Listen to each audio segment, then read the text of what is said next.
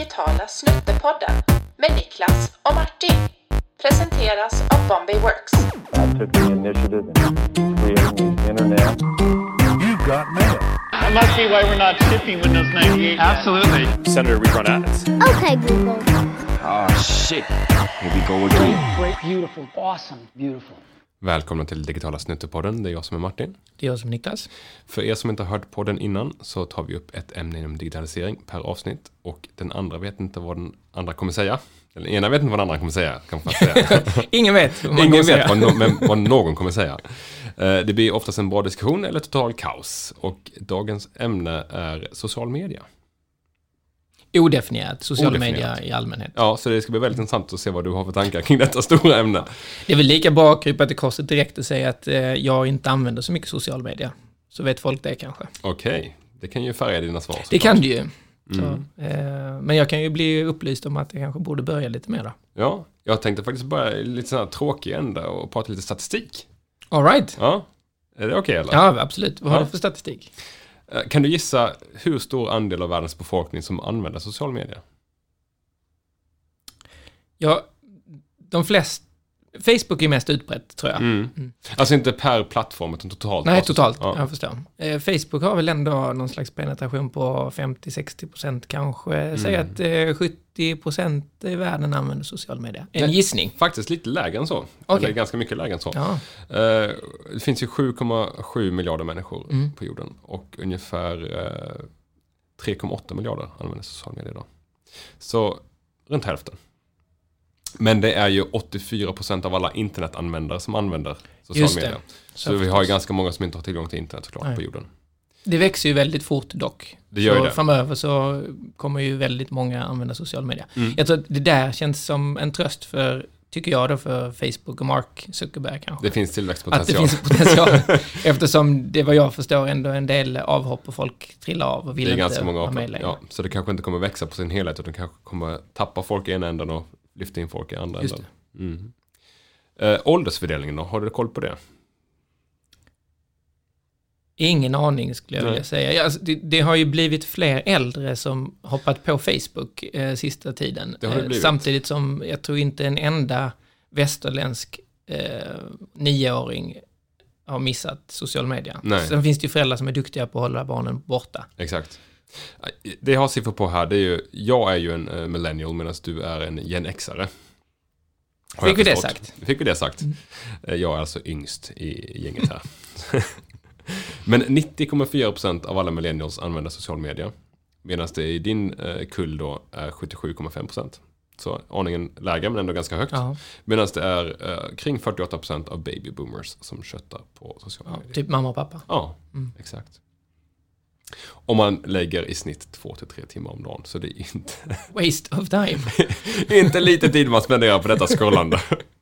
Ja, herregud. Ja, och Vad ja, gör folk då? vad de gör. Jag skulle gissa att de allra flesta eh, spenderar tid på att eh, kolla upp och jämföra hur det är med de man har känt genom åren. Gamla gymnasiekompisar och annat. Vad gör de nu? Vilken semester har de varit på? Det argumentet har jag fått från inte så få personer. Mm. Du måste ha Facebook. Då kan du se vad dina gamla klasskompisar gör. Jag skulle vilja hävda att det är tvärtom. Du ska inte se om dina gamla klasskompisar gör. Nej, för grejen är om jag inte har kontakt med dem, då vill jag ju absolut inte veta vad de gör. Då skulle jag ju kunna plocka vilken slumpartad person som helst i Sverige och säga, ja, vad håller eh, Anders Andersson i Eslöv på med just nu? Mm. Åh, han äter korv och så grillar han och dricker en öl. Det, det är ungefär lika inf- informativt som att jag ska få reda på vad Sonny i Precis. klassen gör. Jag anar ju en, en, en lätt negativ inställning här. Jo. Man, ska, man kan raljera lite, man får inte vara Det för ska man negativ. göra. Ja, det, det intressanta är att vi, vi jobbar ju med eh, digitalisering, kunder och, och kunder som vill jobba med sociala medier också. Så att det här är inte helt... Eh, eh, ja, vad ska man säga? Det är lätt att trampa i Det är lätt att klaveret. trampa jag. klaveret här ja. Men det ska vi väl våga göra också, Ja, tänker jag. tänker jag. Sen så tänker jag så här att om jag inte är så flitig användare av sånt, jag har ju LinkedIn och Mm. jobbat på det och jag använder såklart eh, en del annan media, men jag är inte ute och fläcker ut privatliv i, i Facebook och andra kanaler, och instagrammar inte och jag, Nej. så. Men, men eh, bara för att eh, man är, tycker på det sättet så behöver inte det betyda att man inte kan jobba med det. Och sen har man ju som, då, tack och lov kollegor som kan saker. Precis. Eh, Det är inte så mycket som man själv kan. Eh, Det är inte så att, ja vi designar inte på jobbet för att Niklas designar inte eller Martin designar inte. Det hade ju varit lite Nej, konstigt. det hade varit väldigt dåligt. Så det är ju tur då att det finns de som är väldigt flitiga användare och duktiga på, på de här delarna. Så det här blir ju mer våra personliga åsikter. Det får man verkligen säga. fenomenen. Mm. Men för min upplevelse var att då när jag skulle bli övertygad om användare, Jonas då, som, som jobbat med under många år, 10-12 år, han skulle visa mig för ett år sedan eh, varför det var så himla bra med Facebook och han hade scrollat igenom sitt flöde för mig för att leta efter något som var intressant och han hade hållit på i två, tre minuter. Och inte hitta någonting. då, då insåg han själv att det kanske inte var ett toppenargument. Eh, Så. Mm. Vad är social media då? Du sa precis LinkedIn. Det klassar du som socialt. Ja, alltså den är, det, är är, ju ett väldigt, verktyg. Mm. det är ett verktyg och nischat inom eh, din, din arbetsroll. Vilket gör att jag tycker att det kan fylla en fin funktion. Exakt. På samma sätt tycker jag till exempel att YouTube inte är en social media. Det är Ja, det får jag nästan hålla med om också. Sen så kan man kommentera på den, men det är ju inte därför man är där, Mm. Nej. för att umgås socialt. Det är ju därför att konsumera Ja, innehåll. ja. Nej, så på något sätt är ju Facebook och Snapchat Ja. och vad den har för andra. TikTok. TikTok är väl också, den är ju också Den är mitt emellan, mitt emellan, YouTube, YouTube och, och, eh, ja. Snapchat Mm. kanske, eller Facebook. ja. Precis. För övrigt vad gäller den så, eh, mina döttrar är ju då 8 och 10 och för ett år sedan så satt, satt jag mig bredvid Matilda då, min äldsta, för att se vad hon höll på med. Vad hon tittade på. Mm. Eh, Så hon satt med sin mobil och sådär. Så pratade jag med henne lite om vad hon såg. Och sen så mitt i det där så dök det upp en eh, annons. Och så rullade den och visade saker. Och det var en Facebook-annons. Vilket var lustigt i sig då, för att eh, då var hon väl på, jag vet inte om det var Snapchat eller om det var, jag vet inte om TikTok har den typen av annonser. Inte än. Nej, inte än, precis. Så det var nog att hon var på någon annan kanal då. Och eh, den körde igenom och jag och Matilda tittade på den och så, så sa jag till Matilda, vad var det där för någonting? Och så sa hon, ja, alltså helt knäppt, jättekonstigt, jag fattar ingenting. Det är typ, verkar vara en dålig kopia på Snapchat. Så snabbt går det idag. Hon har ingen aning om vad Facebook är med andra ord. Så det känns som det finns ett, kanske ett skifte Och, där. och jag är ju på tok för gammal för Snapchat. Jag ser ju vissa som sitter på tåget eller bussen och jag förstår inte hur fingrarna kan gå så snabbt med olika vyer och de swipar hit och swipar dit och knapp, knapp, knapp, knapp, knapp och det händer saker. Nej, man är ju ohjälpligt efter. Ja, man Ja. är ohjälpligt efter. Det tror jag att, eh, det behöver man inte vara typ 40 för att erkänna. Det Nej. tror jag även en 27-åring kan tycka. Absolut. Att jag är inte riktigt med på TikTok. Alltså det här med att bli efter tror jag också, det accelererar ju lite. Jag kan ju tänka mig hur efter mina föräldrar känner sig till exempel. Med vissa av de här sakerna. Mm. Om jag tycker att jag börjar bli för gammal för dem. Ja, man får lite förståelse för deras tillkortakommanden. För Ja. man inser att man har många själv. Men väldigt många. Ja. De, de som har varit på, eh, på Facebook länge och så, eh, de, eh, många av dem tröttnar lite, har jag läst. Jag, jag själv har ju varit på Facebook sedan 2006 ungefär. Det är samma år det lanserades i Sverige. Eh, och jag är ju nästan aldrig inne på Facebook. Jag är inne på Facebook av en enda anledning. Och det är för att kolla köp och sälj-sidorna. Så det är som ett Blocket för mig. Just det. Kan man säga. Lokalt Ja, Blocket. den har ju väldigt många olika Ja. aktiviteter och nivåer, Facebook såklart. Mm. För jag läste lite om varför folk lämnar också. Och det fanns många olika anledningar. Folk lyfte ju fram då i USA vad detta gjort. Eh, att Snowden-läckan, eh, det var en anledning. Mm. Eh, jag vet inte riktigt hur det är på rätt sätt kopplat till Facebook, men det handlar väl mer om att så här, oj, informationen som jag delar med mig av kan läcka ut kors och tvärs och sådär. Eh, en annan var ju Cambridge Analytica såklart. Mm. Och sen snackades det om eh, Marks eh, möten med Trump som var hemliga och vad de pratade om. Men rätt så många pratade om mer den praktiska aspekten att jag har samlat på mig en massa vänner genom åren. Jag vet inte hur många kontakter du då har på Facebook. Inte så många. Många har ju då accelererat där till en, en orimlig nivå. Ja. Och ifall man når över 150 individer i sitt nätverk så eh, pratar man om att där tappar man någon slags kontroll över att det känns stabilt med relationerna. Mm. För det är det lite för flyktigt, för man kan inte ha så mycket mer. Det finns till och med ett nummer som heter Dunbar Number, som är 150 Mhm. ungefär. Av en antropolog som heter Robin Dunbar. Intressant. Eh, Det kan man läsa om i, i den här Homo sapiens och Homo Deus-böckerna Mm. också. Att när det blir större samlingar av människor än så, då måste man införa lagar och förordningar Exakt. och Den här regler. byordningen försvinner. Ja, liksom. precis. Mm. Och om man då har nätverk som man byggt på under många år, som många av de här har gjort, så känner de att dels är det för mycket folk. De har 500 i sitt nätverk kanske. Ska man då börja kasta ut människor för att städa upp i sin... Så kommer Vem ner kastar man 150. ut? Ja, precis. Och det andra är ju då att eh, det såklart blir en oversharing. Det blir för mycket information Mm. och flödet blir ju bloated på något sätt. Eh, och det andra var också att man har inte riktigt de man vill ha i sitt nätverk. För jag kan tänka mig att de du la till 2006 är kanske inte de som du skulle vilja ha i nätverket just nu. Nej, det är ju lite grann som att de man bjöd in till sitt bröllop är kanske inte de man skulle bjuda igen. Nej, eller de som man eh, var full med som student är kanske Ja. inte de som man tar på parmiddagen nu, vad Nej. vet jag. Eh, Så att det, äldre och visare. kan, kan, kanske. Förhoppningsvis. Så det- alla de anledningarna var väl lite för att man skulle kanske då lämna. Mm. Medan det såklart fanns massa positiva aspekter med det. Och det är ju att få en samhörighet och en tillhörighet och du kan ju se hur folk tar sig vidare i livet och att man känner att man är en del i en gemenskap och sådär. Precis. Nej men sociala medier har väl en viss, viss ehm, positiv effekt i form av att det är informationsspridning.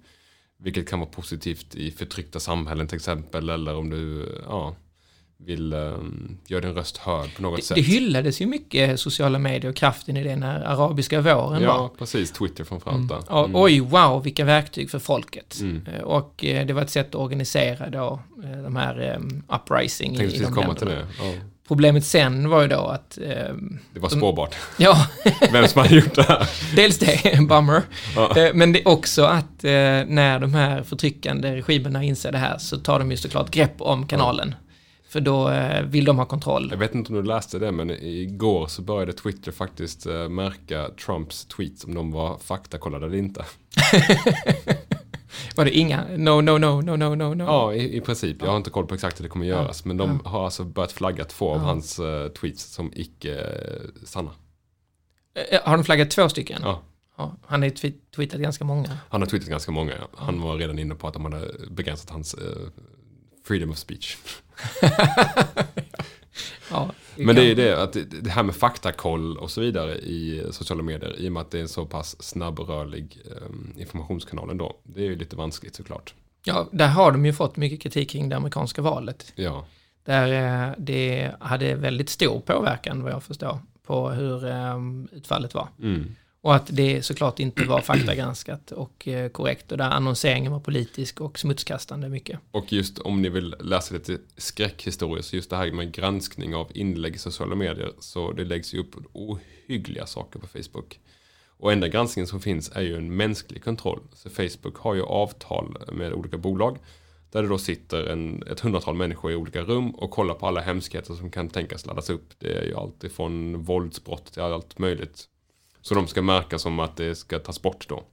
Det blir svårt att hinna med kanske. Det är svårt att hinna med, de här människorna får ju oftast, eh, ja, de mår inte så bra. Jaha, kan man tänka nej, sig. usch ja. Och det är en viss press på hur många eh, inlägg du ska hinna titta på per, på en viss tidsintervall och sådär. Ja, inte så trevligt. Alltså, Det det är baksidorna av sociala medier. Jag tänkte kolla, jag faktiskt prata om en annan baksida också. Du får- verkar mer negativ än vad jag är. Ja, jag är lite sån här grumpy old man känner jag här. Hytter med käppen och tycker att allting är jobbigt idag. Du, du är i gott sällskap dock. Alltså, läser man eh, kring vad folk... Det, det har ju varit en trend i, i USA och i Silicon Valley om att de som startat de här Ångrar sig. Att ungdomarna eller barnen inte ska vara på kanalerna och på plattformarna. Nej, jag, jag tycker att det ska vara en åldersgräns på sociala Mm. medier faktiskt. Både Bill Gates eh, och Mm. eh, Mark och Steve Jobs, alla har ju varit så här, ah, vi ska nog kanske ta det lite försiktigt med det. För du, du har säkert hört talas om eh, Simon Sinek, den här herren Ja. som så här, start, The why. start with why, exakt. Det är, inte det, det är inte det mest intressanta han har gjort tycker jag. Han har faktiskt en liten annan video som jag inte är lika kikad på. Där han intervjuas om millennials och varför de inte är så nöjda med sina liv och sina arbetssituationer. Och det är väldigt intressant för han pratar mycket om kring sociala medier där.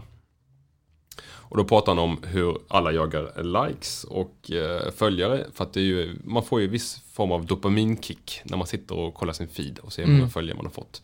Exakt samma dopaminkick som man får av att röka eller dricka eller spela.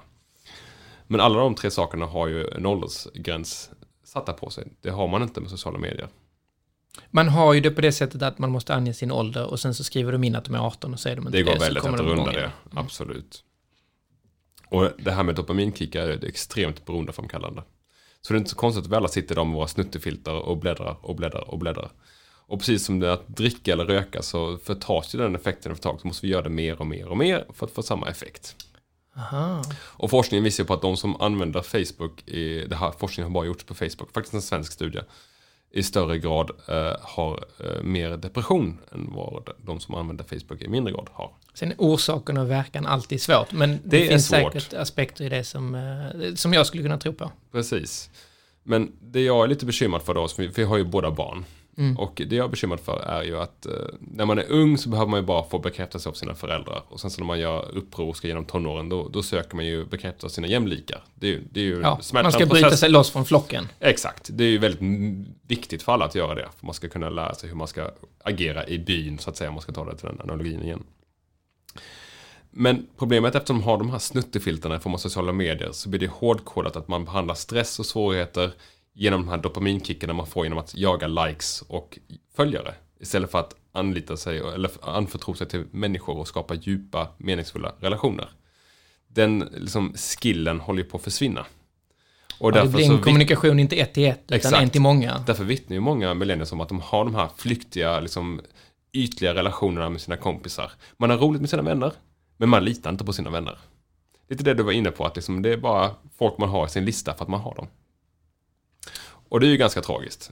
Och helt plötsligt börjar man ju också se allas highlight reels från sina liv om man börjar jämföra. Men fan, Peter han var inte så smart på gymnasiet. Men kolla vad bra det går för Peter nu. Så Jag bra tror- går det inte för mig. Jag tror att du hamnar i en, också en omöjlig situation, för du jämför dig själv mot det många. Ja, Och när du jämför dig själv mot alla andra så är det klart att det är någon som har en bättre, om det nu är bil du är intresserad av, eller en eh, härligare semesterresa, eller ett bättre resultat på något prov. Och istället för att jämföra sig med dem i sin nära krets, mm. som är mer ja, mänskliga, så jämför man sig med någon övermänsklig variant där, där man lägger in alla på en och samma gång. Och då kan man omöjligt vara nöjd med det man själv presterar. och det du jämför med är ju bara folks eh, bästa stunder. Ja, Du ser ju inte vardagsstunder. Typ så att säga. hundra personers bästa stunder mot Mm. dig själv och alla dina Din tillkortakommanden och för och nackdelar. Mm. Nej, så jag, jag är lite bekymrad för mina barns skull. Jag tror faktiskt att sociala medier kommer regleras framöver i någon form. Ja. Det, det är ju intressant som du säger att det är dopaminpåverkande och så. Det, man kan läsa om att folk, eh, när det blir nyår, så ska de avge några nyårslöften. Mm.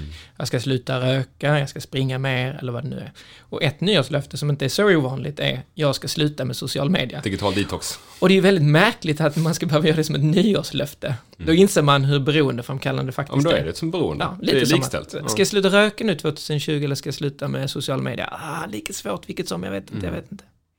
Men jag, alltså jag, jag är faktiskt inne på att jag ska försöka göra det. Men det är svårt. Faktiskt.